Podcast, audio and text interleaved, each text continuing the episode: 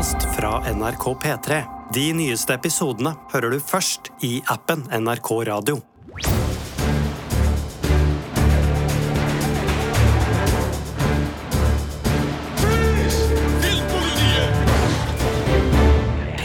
Velkommen til en ny episode av Filmpolitiets podkast i studio i dag. Birger. Sigurd! Og meg selv som heter Marte. Og vi tre vi elsker eh, brekkekle rikinger eh, på film og i TV-serier. Eh, Nærmere bestemt, vi elsker kanskje å, å hate dem.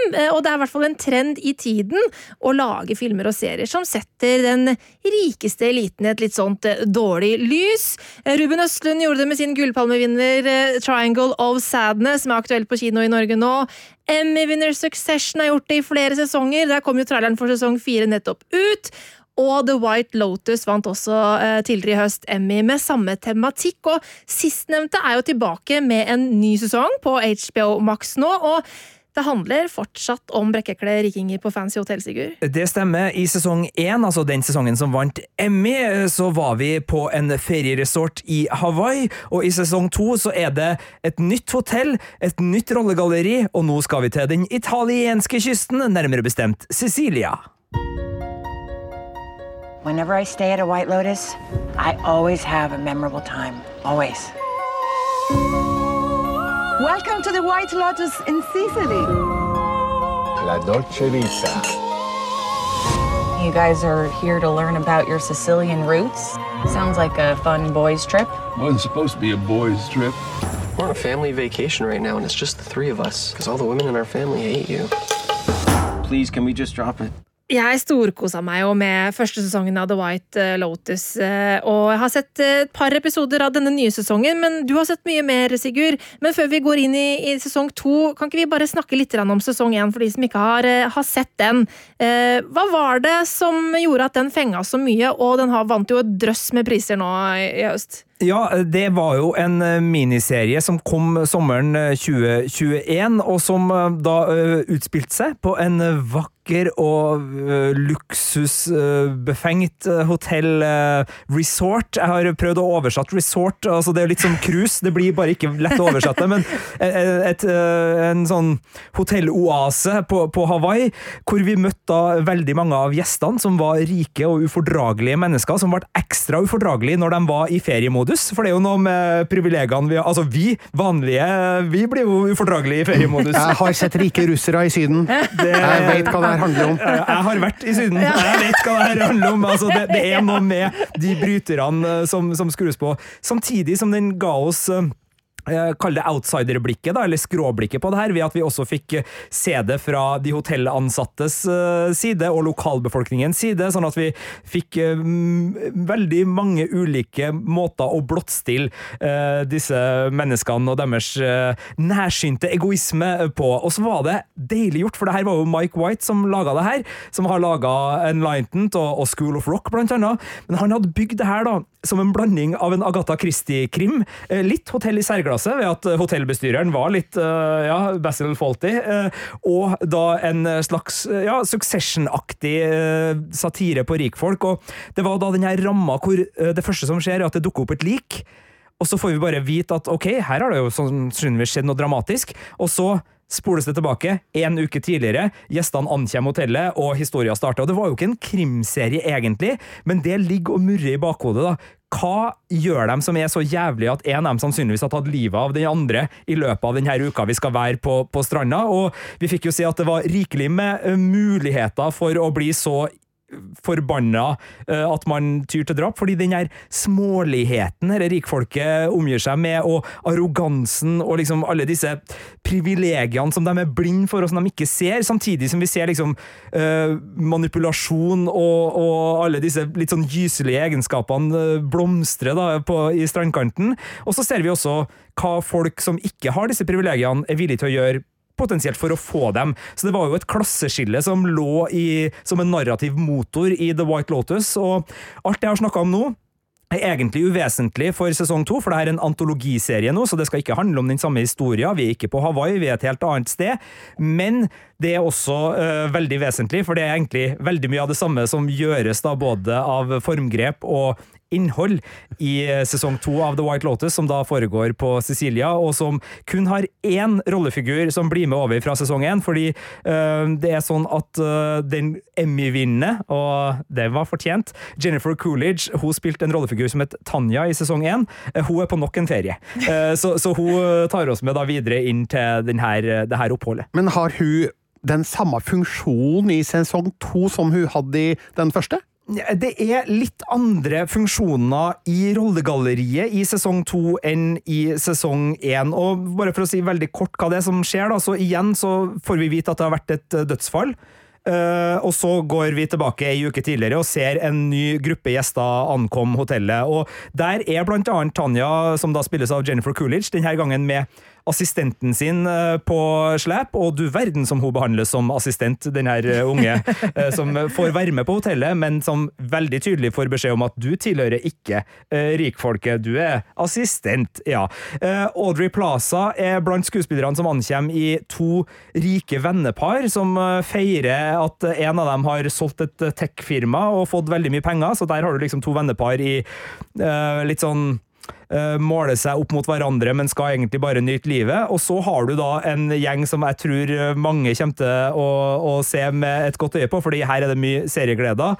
Altså eh, familien Di Grasso, som vi hørte i lydklippet her, som da består her av bestefar eh, Bert, spilt av F. Murray Abraham, eh, sin sønn Dominic, eh, kjent fra eh, altså Michael Imperioli spiller han, kjent fra The Sopranos, eh, og barnebarnet Elby, spilt av Adam Di Marco. De har ikke fått med seg de kvinnene i familien, fordi de mannfolkene her er så ufyselige at ingen damer i familien vil være med dem, men de er da eh, der for å finne ut av sine sicilianske røtter, som bestefar mener at familien har, selv om de da er Hollywood-folk i, USA, så, så har de noen sicilianske røtter som det skal graves etter her. Apropos brekkekle rikinger, han bestefaren, eh, han eh, er rimelig blind eh, for eh, Eller er han egentlig blind? Han tar noe for seg, i hvert fall blant ja.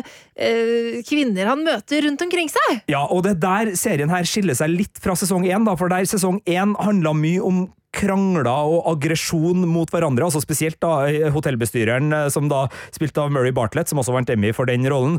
Han har jo noen sånne øh, øh, nag til noen av gjestene, og, og de liksom de driver og spiller et spill, og det, det er mye mer sånn spenning i sesong én, inni all satiren og humoren og skråblikkene og det her. Det er ikke like mye sånn direkte spenning i sesong to, det er mer en sånn der øh, vittig kavalkade av øh, hvordan vi ikke ser oss sjøl, og litt sånn politiske strømninger, altså wokeness, eh, kvinnesyn, eh, medie, altså hvordan vi forholder oss til media, og hvordan rikfolk forholder seg til media. De elementene går en sånn runddans, altså de, de er ikke veldig sånn veldig tydelige alltid, men de er hele tida i spill, og spesielt barnebarnet uh, i denne familien og bestefaren har jo veldig ulik holdning til hva som er lov og ikke lov uh, når du møter en kvinne du syns er attraktiv.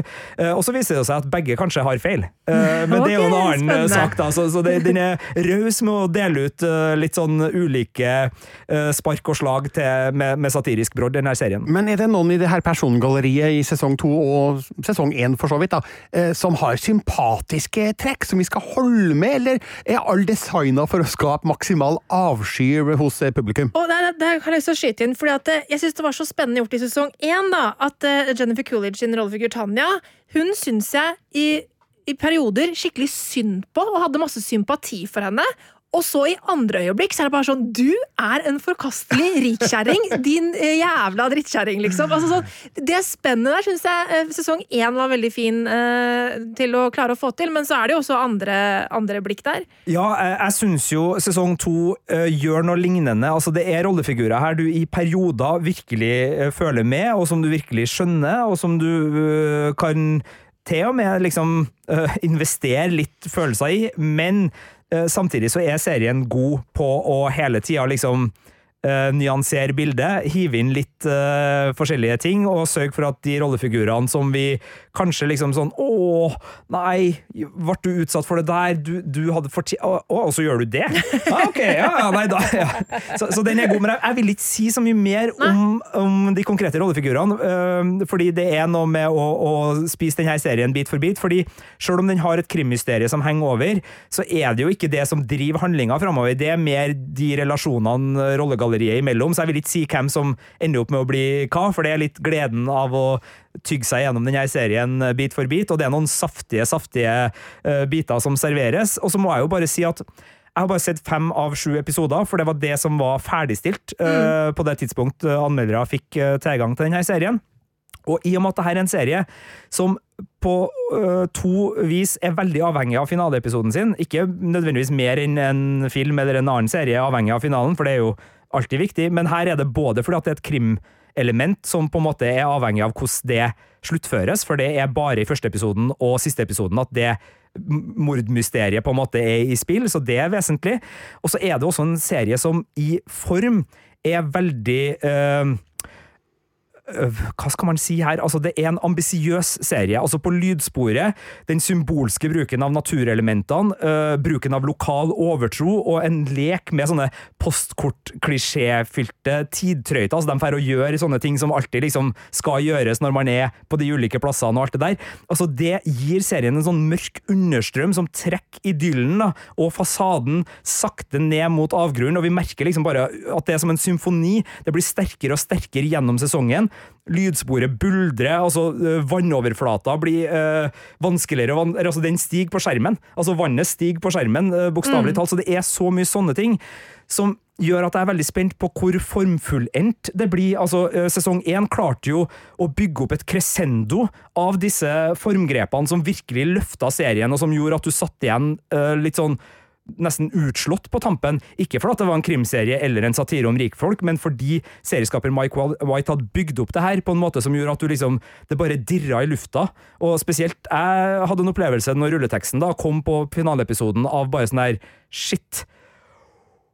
Det, uh, de- den her tok meg med på, på en reise og fillerista meg Mm. skikkelig, og jeg er jo veldig spent på om den sesongen her også driver med det. Den har som sagt litt mindre øh, ytre spenning som narrativ motor enn sesong én, men den har fremdeles den her opplevelsen av at det er en symfoni som driver og bygger mot et crescendo.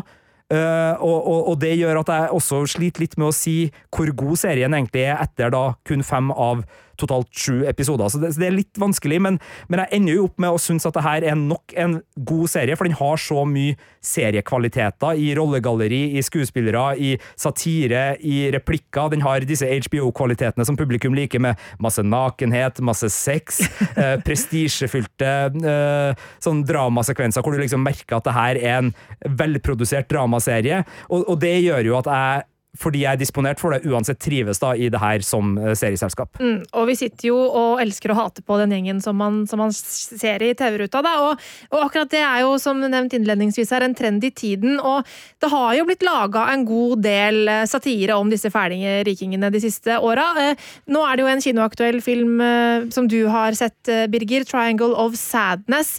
Hvordan er den balansen der? Altså, er det noen å ha sympati for i, i den filmen? Eh, Ja, det er jo det. Det er de som er tjenere om bord i båten der mesteparten av handlinga foregår. Altså, de er jo da mannskap, men eh, de styrtrike passasjerene om bord, de ser jo ned på de som sine personlige tjenere, og eh, det er blant annet en eh, scene der en av eh, de eh, styrtrike damene om bord prøver å få eh, en kvinnelig ansatt til å, til å eh, legge seg ned i et basseng for at nå skal hun liksom vartes opp, og uh, dette har jo ikke den ansatte lyst til i det hele tatt. Uh, og, og, og prøver å si nei, men så er det det at hun har blitt kommandert av sin overordnede til å alltid si ja. Alltid si ja til alt det passasjerene sier. Og det er en veldig ukomfortabel eh, scene der vi føler på denne herre, ja, eh, hva skal vi si, eh, håpløse situasjonen som denne ansatte er blitt satt i. Men det her er jo bare en av en lang rekke situasjoner i Triangle of Sadness som virkelig setter på spissen det herre dypet, det herre gapet som finnes mellom de bemidlede og de ubemidlede da i dette universet. Men det er jo noe som Ruben Østlund har gjort flere ganger før. Altså Han sparker gjerne oppover i, i systemet. Altså i Play, eh, den handler jo om to etnisk svenske gutter som blir bortført og rana av en gjeng eh, mørkhuda innvandrergutter. Eh, Og her kan man jo se for seg at oi, ja, er det en kritikk av innvandring og sånn? Men nei, det er jo ikke det. Det er en kritikk av våre fordommer. Mot nettopp det som eh, Play er laga for å kommentere. Eh, og det samme også med eh, den filmen Turist, der vi jo møter en familie på um, alpinferie, og, og den filmen sparker jo mot eh, meg og deg, Sigurd. Altså nordiske menn og vår mannsrolle, som jo er i krise. Ja, men vi fikk Selskapsreisen-filmene eh, litt tidligere, Birgit, så vi skal være ganske fornøyd. Ja, og, eh, og også i den forrige filmen, som også vant eh, Gullpalmen, nemlig The Square, der eh, tar Østlund for seg det her eh, fisefine og pretensiøse kunstmiljøet, som ifølge denne filmen da, er sånn dypt dobbeltmoralsk. Eh, så Triangle of Sadness følger egentlig i, i de samme spora, da. Eh, der eh, vi ser hvordan de rike har mista enhver kontakt med ja, virkeligheten, eh, rett og slett, og har en helt annen eh, forståelse for dynamikk mellom mennesker enn eh, det vi andre har. Og så snus jo det hele sånn utrolig på hodet da, i løpet av filmens gang, der skal vi si, maktbalansen mellom rik og fattig forrykkes eh, ganske kraftig og brutalt da, etter en dramatisk eh, hendelse. Så eh, absolutt se Triangle of Sadness. Her har du mange saftige figurer å hate, og så har du også en del stakkarslige folk å sympatisere med, men ikke nødvendigvis gjennom hele filmen. For Nei. når ting snus på hodet, så ser man at makt, det korrumperer ethvert sinn. Ikke sant? Det minner meg om sånn der eksperiment man hadde på barneskolen. og sånn, sånn eh, Nå skal den ene delen av klassen eh, bestemme, og den andre delen av klassen skal være slaver, eller noe sånt. Nå, eller et eller annet sånt der. Det høres- høres- Hvordan var det- Nei, ikke nødvendigvis slaver, da, Kraftig kritikk av skolevesenet i, i Det Bærum her. kjent eksperiment å, å gjøre det uh, i skoleklasser på barn. og sånn Sette den ene delen av klassen opp mot den andre for å se hva som skjer med de barna som får makten, og for å se hva som skjer med de barna som eh, eh, sitter der og kjenner på å bli tråkka på. Da. Eh, Det er jo veldig sånn fascinerende greie, og det er kanskje noe av det som gjør at vi lar oss fascinere av denne her typen filmer og serier også. Ja, jeg tenker jo at uh, det er jo noe med, med tidsånden her som gjør at vi nå sitter og snakker om en gullpalmevinner fra det her året, uh, og to Emmy-vinnere, Uh, da henholdsvis dramaserievinneren Succession og miniserievinneren The White Lotus.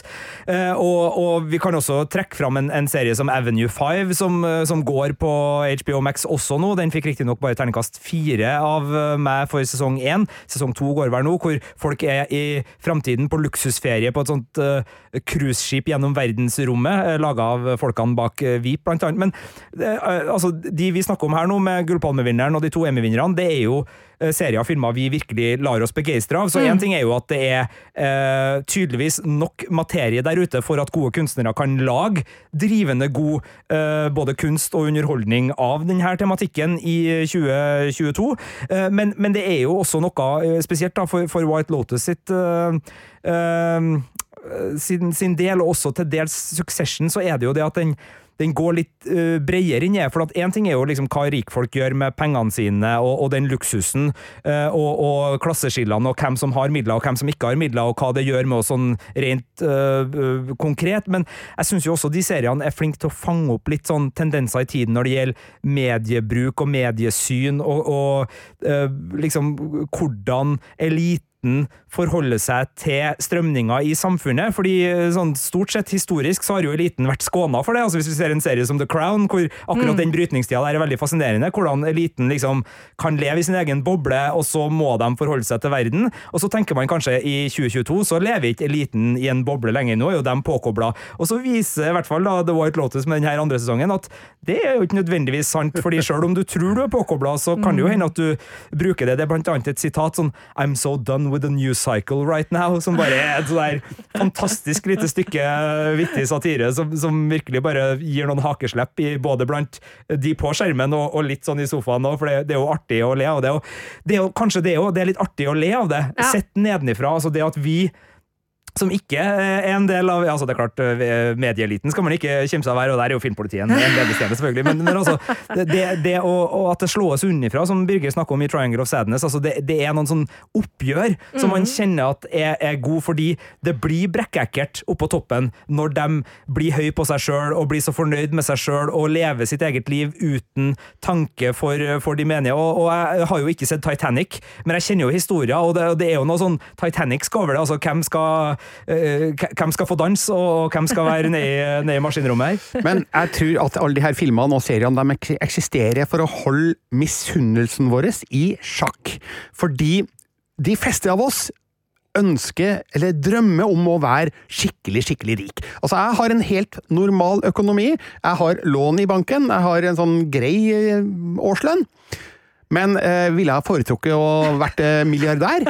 Eh, ja, selvfølgelig hadde jeg jo gjort eh, det, men det er jo ganske usannsynlig at eh, det skjer. Eh, så derfor så kan jeg sette meg ned og se en film eh, om eh, ekle milliardærer, og føle meg bedre. Ikke Fordi sant? eh, Se hvor ekle og fæle og teite de er.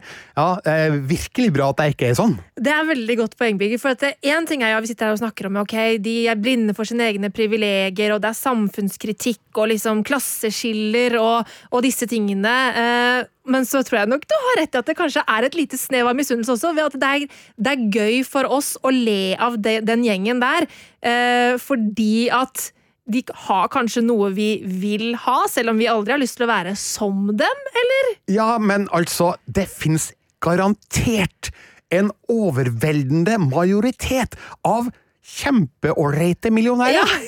Ja, er som, som tjener masse penger, men som er normale folk, og som har en vanlig oppførsel, og som kanskje eh, lever et ganske vanlig liv også. Eh, Det blir eh, fryktelig kjedelig TV. ja, det blir ikke noe veldig bra underholdning ut av eh, det, så derfor så må de ha sånne usympatiske trekk da, på film og på serier, eh, for at vi vanlige dødelige eh, skal liksom ha noe å se ned på når vi egentlig ser opp på dem. Og hvem er det som lager disse filmene og seriene? Så er, dette, er vi nå et offer for på en måte brød og sirkus til folket? Er, er det det som skjer her? Men, men det der er fascinerende, og jeg tenker spesielt når det gjelder Succession, som jeg synes er et interessant eksempel her, så tror jeg nok det er en litt sånn blanda eh, glede rundt den serien. Altså, jeg har jo kalt dem maktkranglingens første familie, og det er jo utrolig eh, saftig og interessant å bare se den maktkranglinga. Og den er jo ikke nødvendigvis fordi de er eh, rikfolk, det er jo liksom såpeserie, intrige, melodramaets eh, gleder som, som tiltrekker, men også det at HBO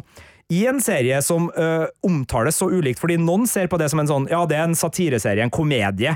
Andre ser på det som, nei, det er prestisjedrama fra HBO, og det at de har klart å liksom ø, lande akkurat i midten der, det synes jeg er fascinerende, fordi at de har suttet liksom Eh, de tar tak i HBO-publikummet, og en del av HBO-publikummet er HBO-tittere fordi det er det de identifiserer seg med. Altså, HBO har gitt dem alle disse store, eh, velholdte dramaserienavnene opp igjennom, og de er ikke nødvendigvis Netflix-tittere, eller eh, altså det, det er et publikum der som eksisterer, som er veldig klar over hva de liker, og som foretrekker det. Og, og der tror jeg Succession også tiltaler en del, fordi det er et påkosta dramaunivers, med fiffig, raffinert symbolbruk, en lekker åpningsvignett som bare liksom Ja, du sa det på kontoret før vi gikk inn hit, sånn Å, den musikken! Eh, og det er liksom troverdig luksus foran kamera, og det er liksom noen ekstra gleder der da, som, som gjør at du liksom kan gå fra The Crown til Succession. Og, og nå vet jeg at The Crown er Netflix, så jeg møter meg sjøl litt i døra her, men, men det er den type prestisjedrama. Ja. Like lett som du kan gå fra satire til Succession. Og, og der tror jeg, altså Grunnen til at Succession har vunnet disse Emmy-prisene og er så brei blant publikum som den er, og at den har det store publikummet, tror jeg, for at den klarer å gjøre begge deler. Den klarer å være nok satire til at vi kan liksom, eh, vi som ønsker da, kan liksom peke mot det og si sånn, ja, der tar du dem på kornet, og ja, se hvor grelt det er der. Samtidig som man kan sitte og si sånn som Birger, sånn, åh, skulle ønske jeg hadde det badet. Skulle ønske jeg hadde det badet. De gullkranene, dem vil jeg ha. Men de her seriene vi snakker om nå, som eh, Succession, akkurat som de 80-talls-såpeseriene eh, som Dallas og Dynastiet og Falcon Crest, de handler om folk som er så rike at de trenger ikke å bry seg om sånne hverdagslige greier som vi må drive på med. Altså klesvask og matinnkjøp og barnepass og, og sånt, for det har de folk til å gjøre for seg.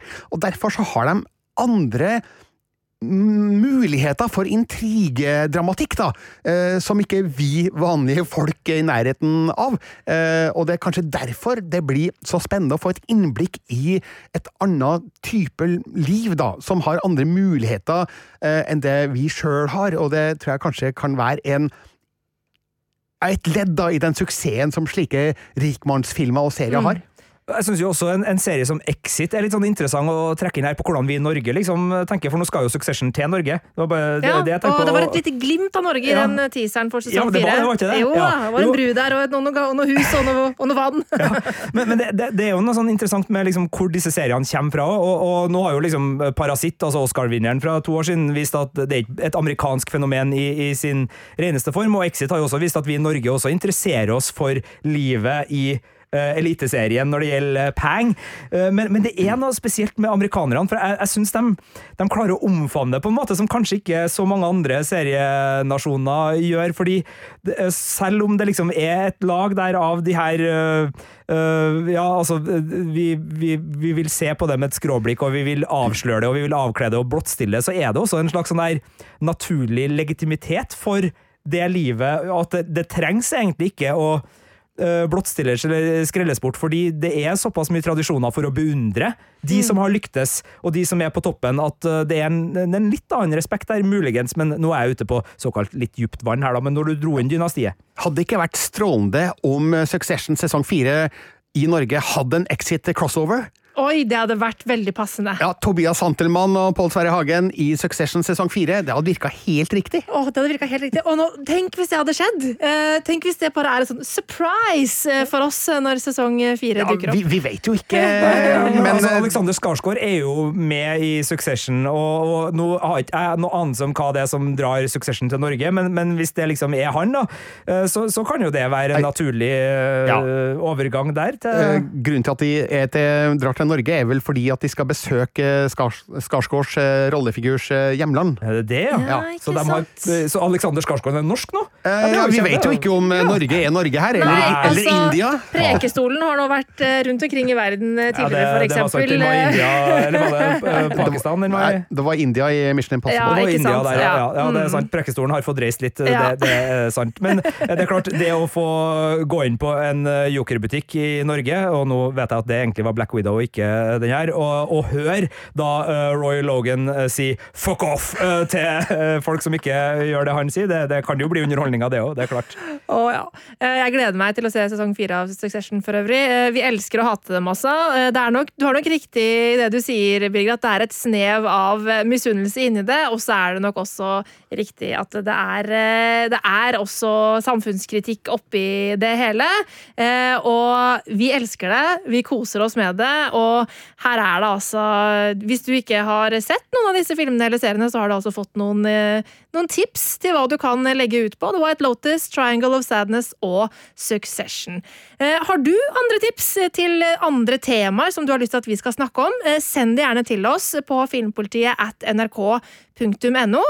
Og i studio i dag så har vi vært Det var vel da Birger Vestmo. Uh, Sigurd Vik? Og så er det meg, da, som heter Marte Hedenstad. En podkast fra NRK.